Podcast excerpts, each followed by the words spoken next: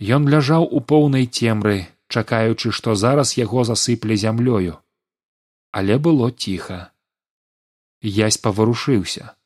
Здаецца нічога не паламаў. Трэба было выбірацца назад. Ён падняўся на ногі вытрас зямлю з валасоў і намацаў сцены. Яма была амаль вертыкальнай. Язь паспрабаваў лезці наверх але на сценах не было нічога за што можна было б зачапіцца ці на што можна было б паставіць нагу. Пасля некалькіх няўдалых спробаў цалкам змучаны ён вырашыў спыніцца. Але думаць спакойна не атрымлівалася. Няўжо вось так усё і закончыцца тут? У нейкай незразумелай і цёмнай яме дзе яго ніхто нават ягоныя пераследнікі ніколі не знойдзе. Дзе выйсце? Можа яшчэ раз заплюшчыць вочы у спадзеве на дзіўнае святло якое ён бачыў наверсе язь так і зрабіў нічога. Так і ведаў. Хаця пачакай. Нешта быццам бы з'явілася перад вачыма нейкая светлая кропачка. Але адразу ж знікла. Гэта ад стомы. Не нешта ўсё такі ёсць вакол яго пачалі праяўляцца пакрысе вымалёўвацца залаціста чырвоныя абрысы гэтага месца у хуткім часе язь змог разабраць што лаз падымаецца ўверх і трохі ў бок і губляецца ў цемры. Уздых горычы вырваўся з ягоных вуснаў. стала зразумела, што падняцца тут немагчыма. Ён некалькі разоў расплюшчваў вочы, але толку ад гэтага не было. У нязручным тунэлі, зробленым ці то людзьмі, якія зусім не клапаціліся пра камфорт тых, хто будзе ім карыстацца, ці то прыхамаццю прыроды, якая пракладала шлях так як было зручна толькі вадзе панавала абсалютная цемра. Святлу месяца сюды было не дабрацца. Язь зноў заплюшчыў вочы і вырашыў разгледзець дно ямы яно было завалена глебай разам з якой ён сюды ўваліўся. Ён прысеў і на сваё здзіўленне ўбачыў што супрацьлеглая сцяна ямы не даходзіць да дна. Паміж ёй і глебай быў невялікі прагал. Язь падабраўся бліжэй схіліўся і зразумеў што лаз ідзе далей. Верхні вузкі тунэль тут амаль пад простым кутом пераходзіў у больш шырокі які ішоў як яму здалося паралельна паверхні зямлі калі дарогі назад няма значыць трэба ісці наперад падумаў язь і пачаў разграбаць пясок Урэшце ён расчысціў лаз настолькі, што можна было прасунуцца. Гэты тунэль сапраўды быў куды больш шырокі. Хлопец споўз у яго па насыпанай зямлі і выпрастаўся ва ўвесь рост. Тунэль ішоў спачатку без нахілу, а потым стаў заўважна скіроўвацца ўніз. Язь спачатку баяўся, што ўвапрэцца ў глухую сцяну, затым чакаў, што яшчэ крыху і ён некуды выйдзе, але ход усё не канчаўся. Праз нейкі час спуск стаў зусім стромкім і абрысы наперадзе пачалі рабіцца цьмянымі, аж пакуль перад заплюшчанымі вачыма не паўстала непраглядная цямрэча. Ён прайшоў так яшчэ некалькі крокаў і спыніўся.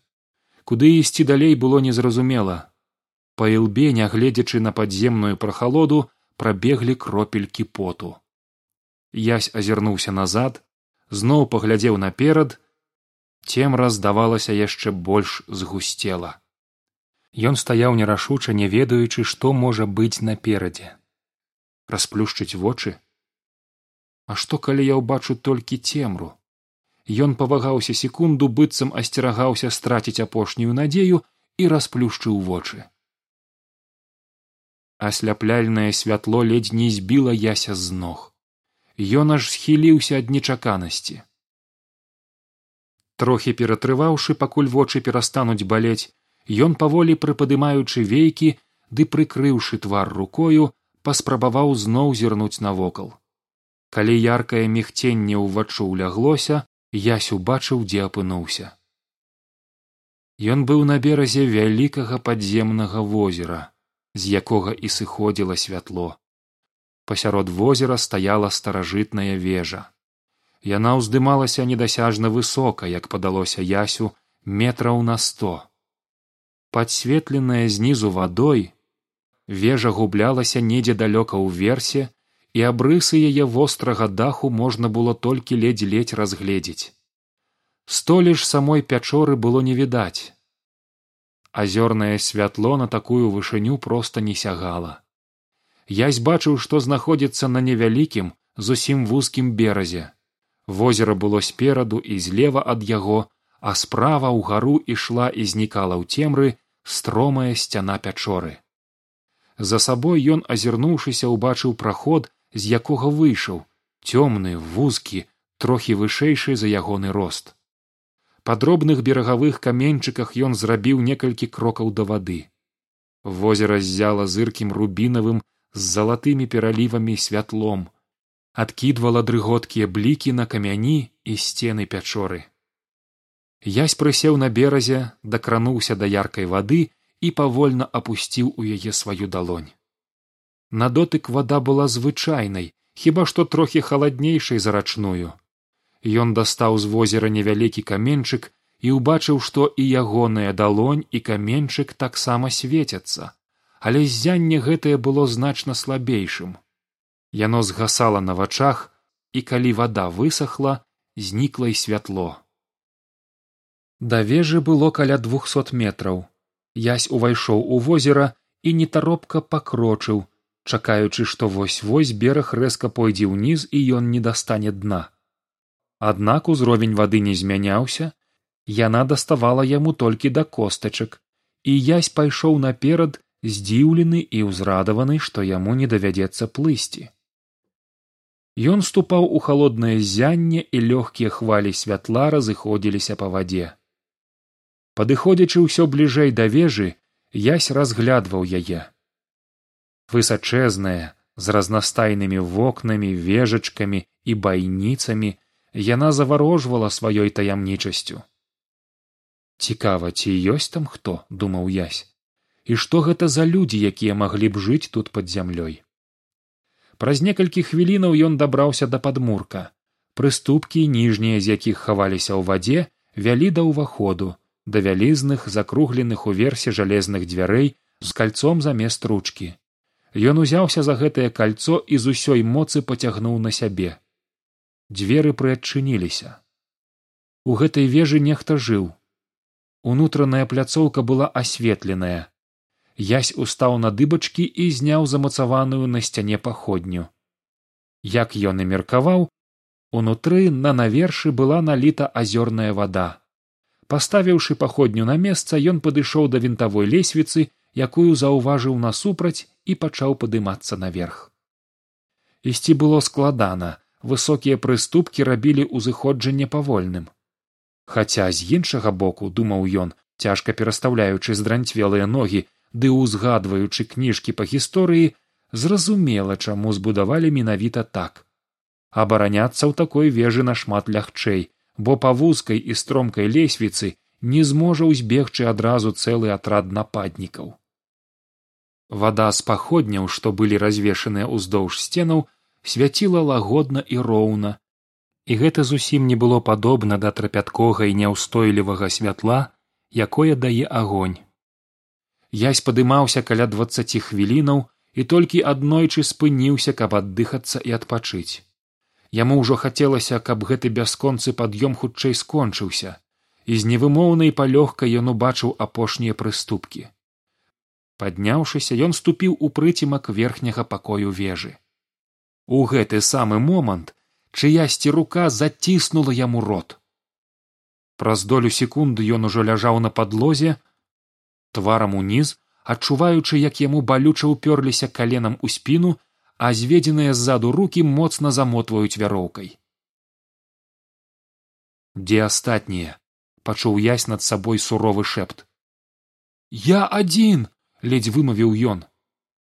Нябачны ў цемры чалавек даў яму падняцца але тут жа спрытна схапіў за звязаныя рукі адвёў іх назад і ўверх і ясю давялося нахіліцца. Так чалавек пазбавіў яго ўсякай магчымасці вырвацца і завёў у суседні пакой.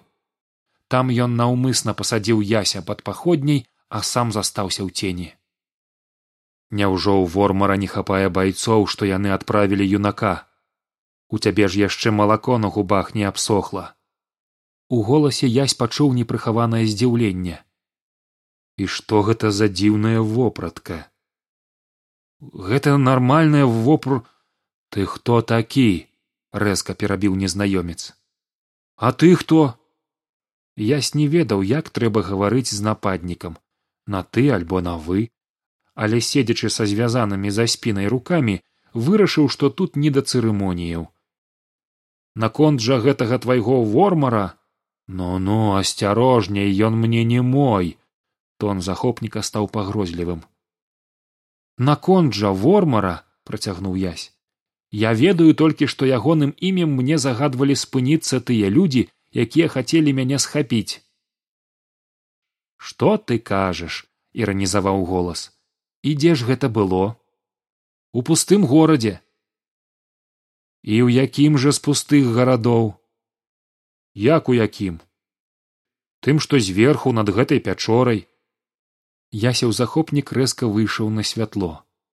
Гэта быў мужчына гадоў трыццаці цёмна-русы у вопратцы што нагадала ясю сярэднявечныя строі якія ён калісьці бачыў у музеі.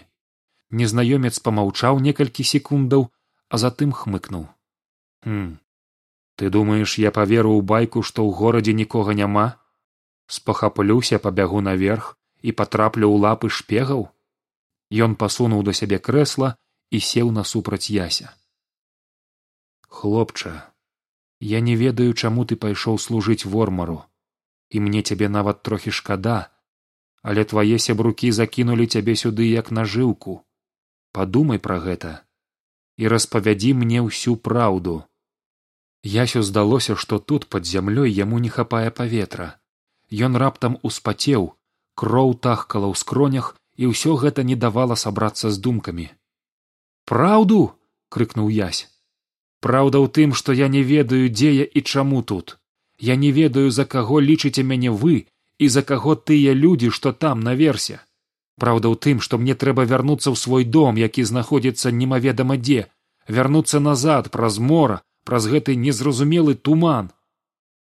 Чалавек моўчкі глядзеў на хлопца. Да і навошта тым людзям наверсе працягнуў пасля паўзы язь трэба было б штосьці прыдумляць з нажыўкай калі ім вядома дзе вы то чаму яны не спусцяцца і не схопяць вас мужчына ўстаў і пачаў хадзіць узад уперад затым павярнуўся да хлопца паўтары што ты сказаў пра туман мой плыт панесла рэчка і я патрапіў у нейкі дзіўны туман. Такога я раней ніколі не бачыў. Ён узяўся невядома адкуль. Не ведаю як доўга я ў ім плыў. Затым апынуўся ў акіяне і ўрэшце мяне вынесла да берага. Чалавек глядзеў ясю проста ў вочы. Ты жывеш у эферыі дзе? Эферыя наша краіна наша выспа. Выспа? Раней язь мог бы толькі марыць пра тое каб апынуцца на выспе на якой небудзь дзіўнай зямлі. Але зараз тут ён не адчуваў ніякай рамантыкі. Ён адно запытаўся чамусьці асіплым голасам. Гэта далёка? Я думаю хлопчы што гэта вельмі далёка. Дык што ў цябе за адзенне ты кажаш звычайнае у нас усе так апранутыя штаны кашуля чаравікі. Як цябе завуць? Язь а вас як? Чалавек падышоў да яся і пачаў развязваць яму руки маё імя стэфан. Мяне завуць таксама шосты захоўнік. Але для цябе гэта нічога не значыць калі ты не з эферыі дарэчы звяртайся да мяне на ты нечаканае вызваленне здаецца адабрала ў яся рэшту сілаў.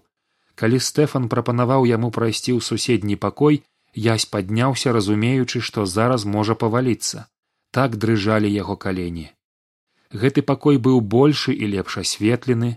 Тут стаяў доўгі стол з крэсламі вакол вялікі пясочны гадзіннік на сценах віселі дзівосныя прыгожыя шчыты і самыя разнастайныя мячы ад кароткіх да вялікіх двусечных некалькі відаў арбалетаў і лукаў.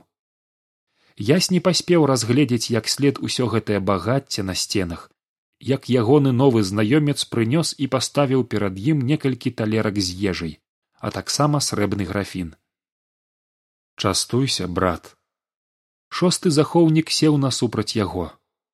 Ясь убачыў перад сабой хлеб некалькі гатункаў сыру зялёную цыбулю яблыкі і яшчэ нешта з гародніны і садавіны якіх ён не ведаў.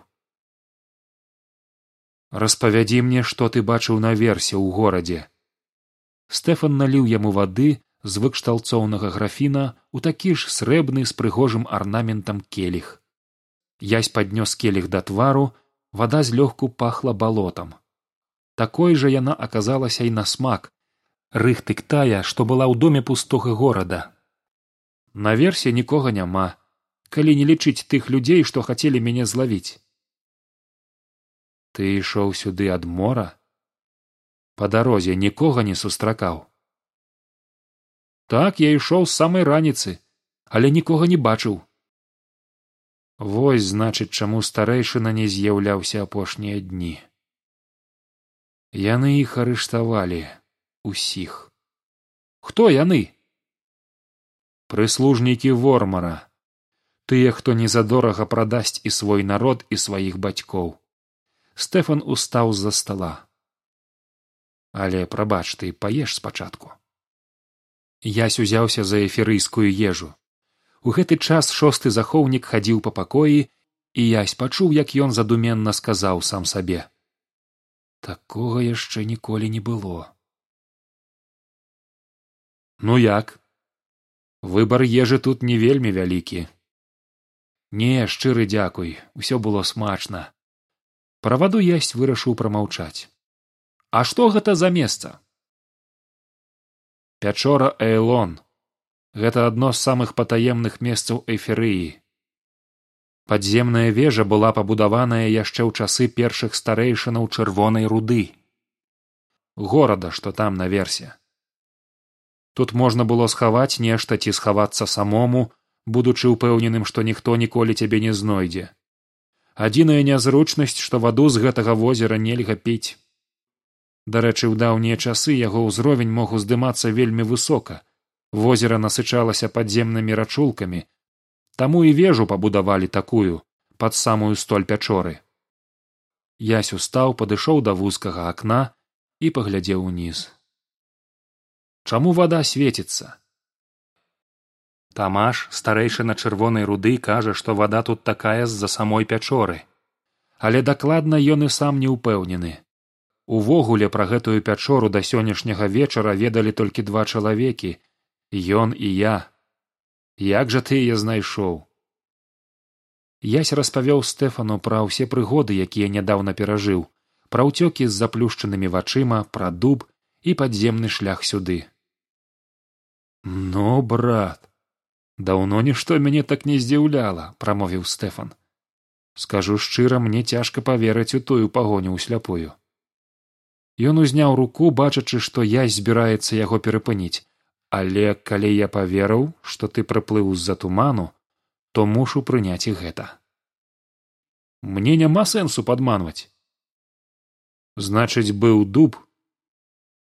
Тамаш неяк казаў, што ў старажытнасці ў пячору быў яшчэ адзін ход. Атрымліваецца, потым яго засыпалі зямлёй, а зверху і навокал пасадзілі дубы. Навошта? можа таму што ў эйферыю пазней прыйшлі спакайнейшыя часы войны паміж гарадамі спыніліся хавацца не трэба было і падземным сховам больш не карысталіся а веды пра існаванне вежы перадавалі ад старэйшыны да старэйшыны на такі выпадак як мой. А што за выпадак? Калі казаць коротко то вормар той чалавек які сядзіць зараз на пасадзе ўладара эферыі палюе на мяне. У гэтым горадзе былі мае сябры. Тамаш схаваў мяне ў вежы і баюся ўсіх за гэта арыштавалі. І дзе зараз тыя людзі адзінае месца куды іх маглі павесці гэта лагер у пустэльні.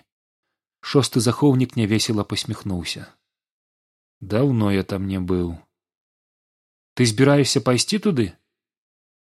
Гараджане заплацілі занадта дарагі кошт за маю свабоду. Я абавязаны паспрабаваць ім дапамагчы. Стэфан помаўчаў я выходжу перад світанкам. Мы зможам разам падняцца ў горад так каб нас не заўважылі я пакажу дзе можна набраць вады шкада што не ўдасся паразмаўляць больш падрабязна мне было б цікава даведацца пра гэты туман.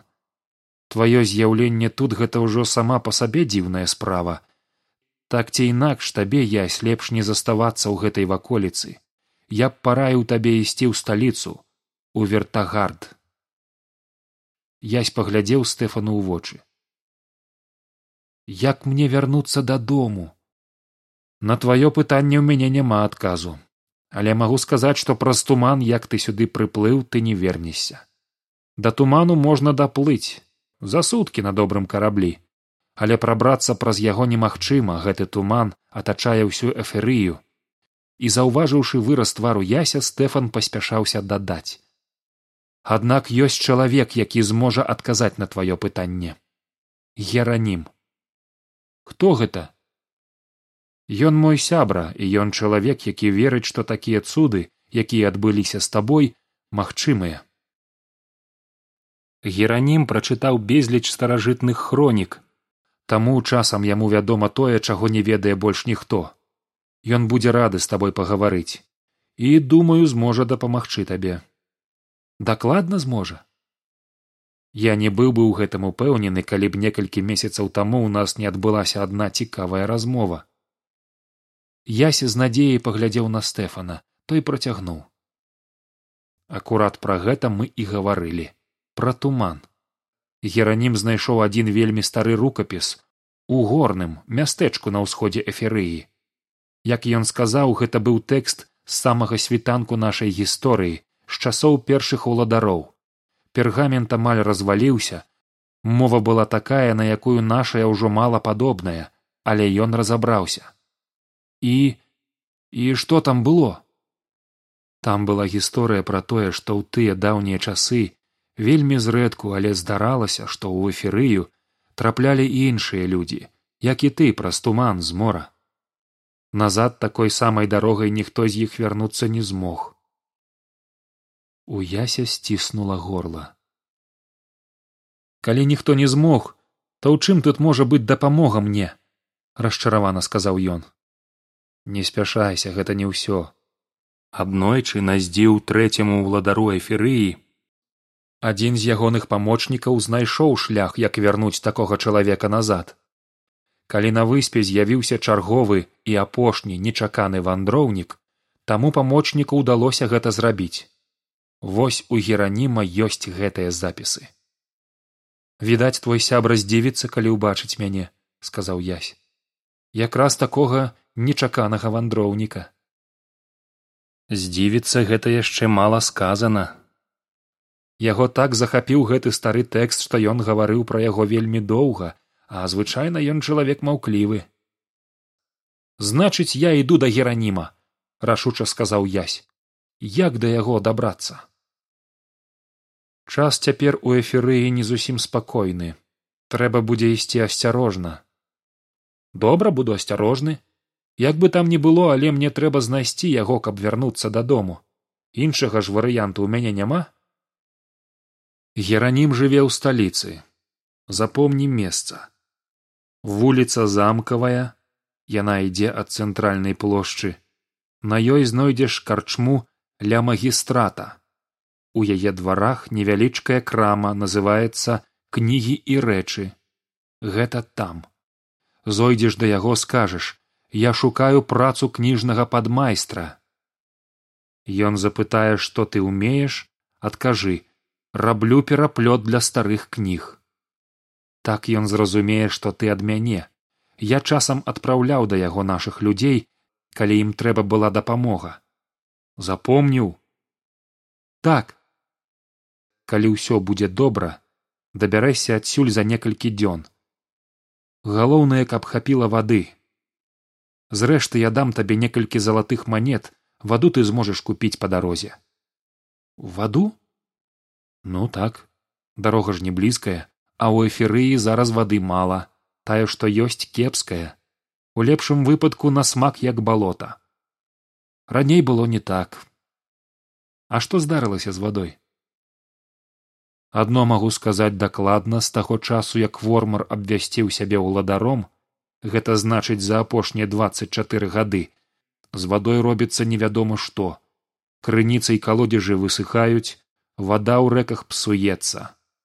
Спачатку яно было быццам незаўважна але зараз гэта пакута для ўсіх жыхароў эферыі я скінуў позірк на срэбраны келіх і адвёў вочы. Стэфан павярнуўся да пясочнага гадзінніка што стаяў у пакоі да світання яшчэ тры гадзіны можаш крыху адпачыць а мне пакуль трэба сабрацца. Ён правёў яся ў адзін з невялікіх пакояў ясь не распранаючыся прылёг на ложак. Шосты захоўнік выйшаў але праз імгненне вярнуўся. Хацеў запытацца сказаў ён. Якая яна твая краіна? Зусім іншая адзінае што змог адказаць язь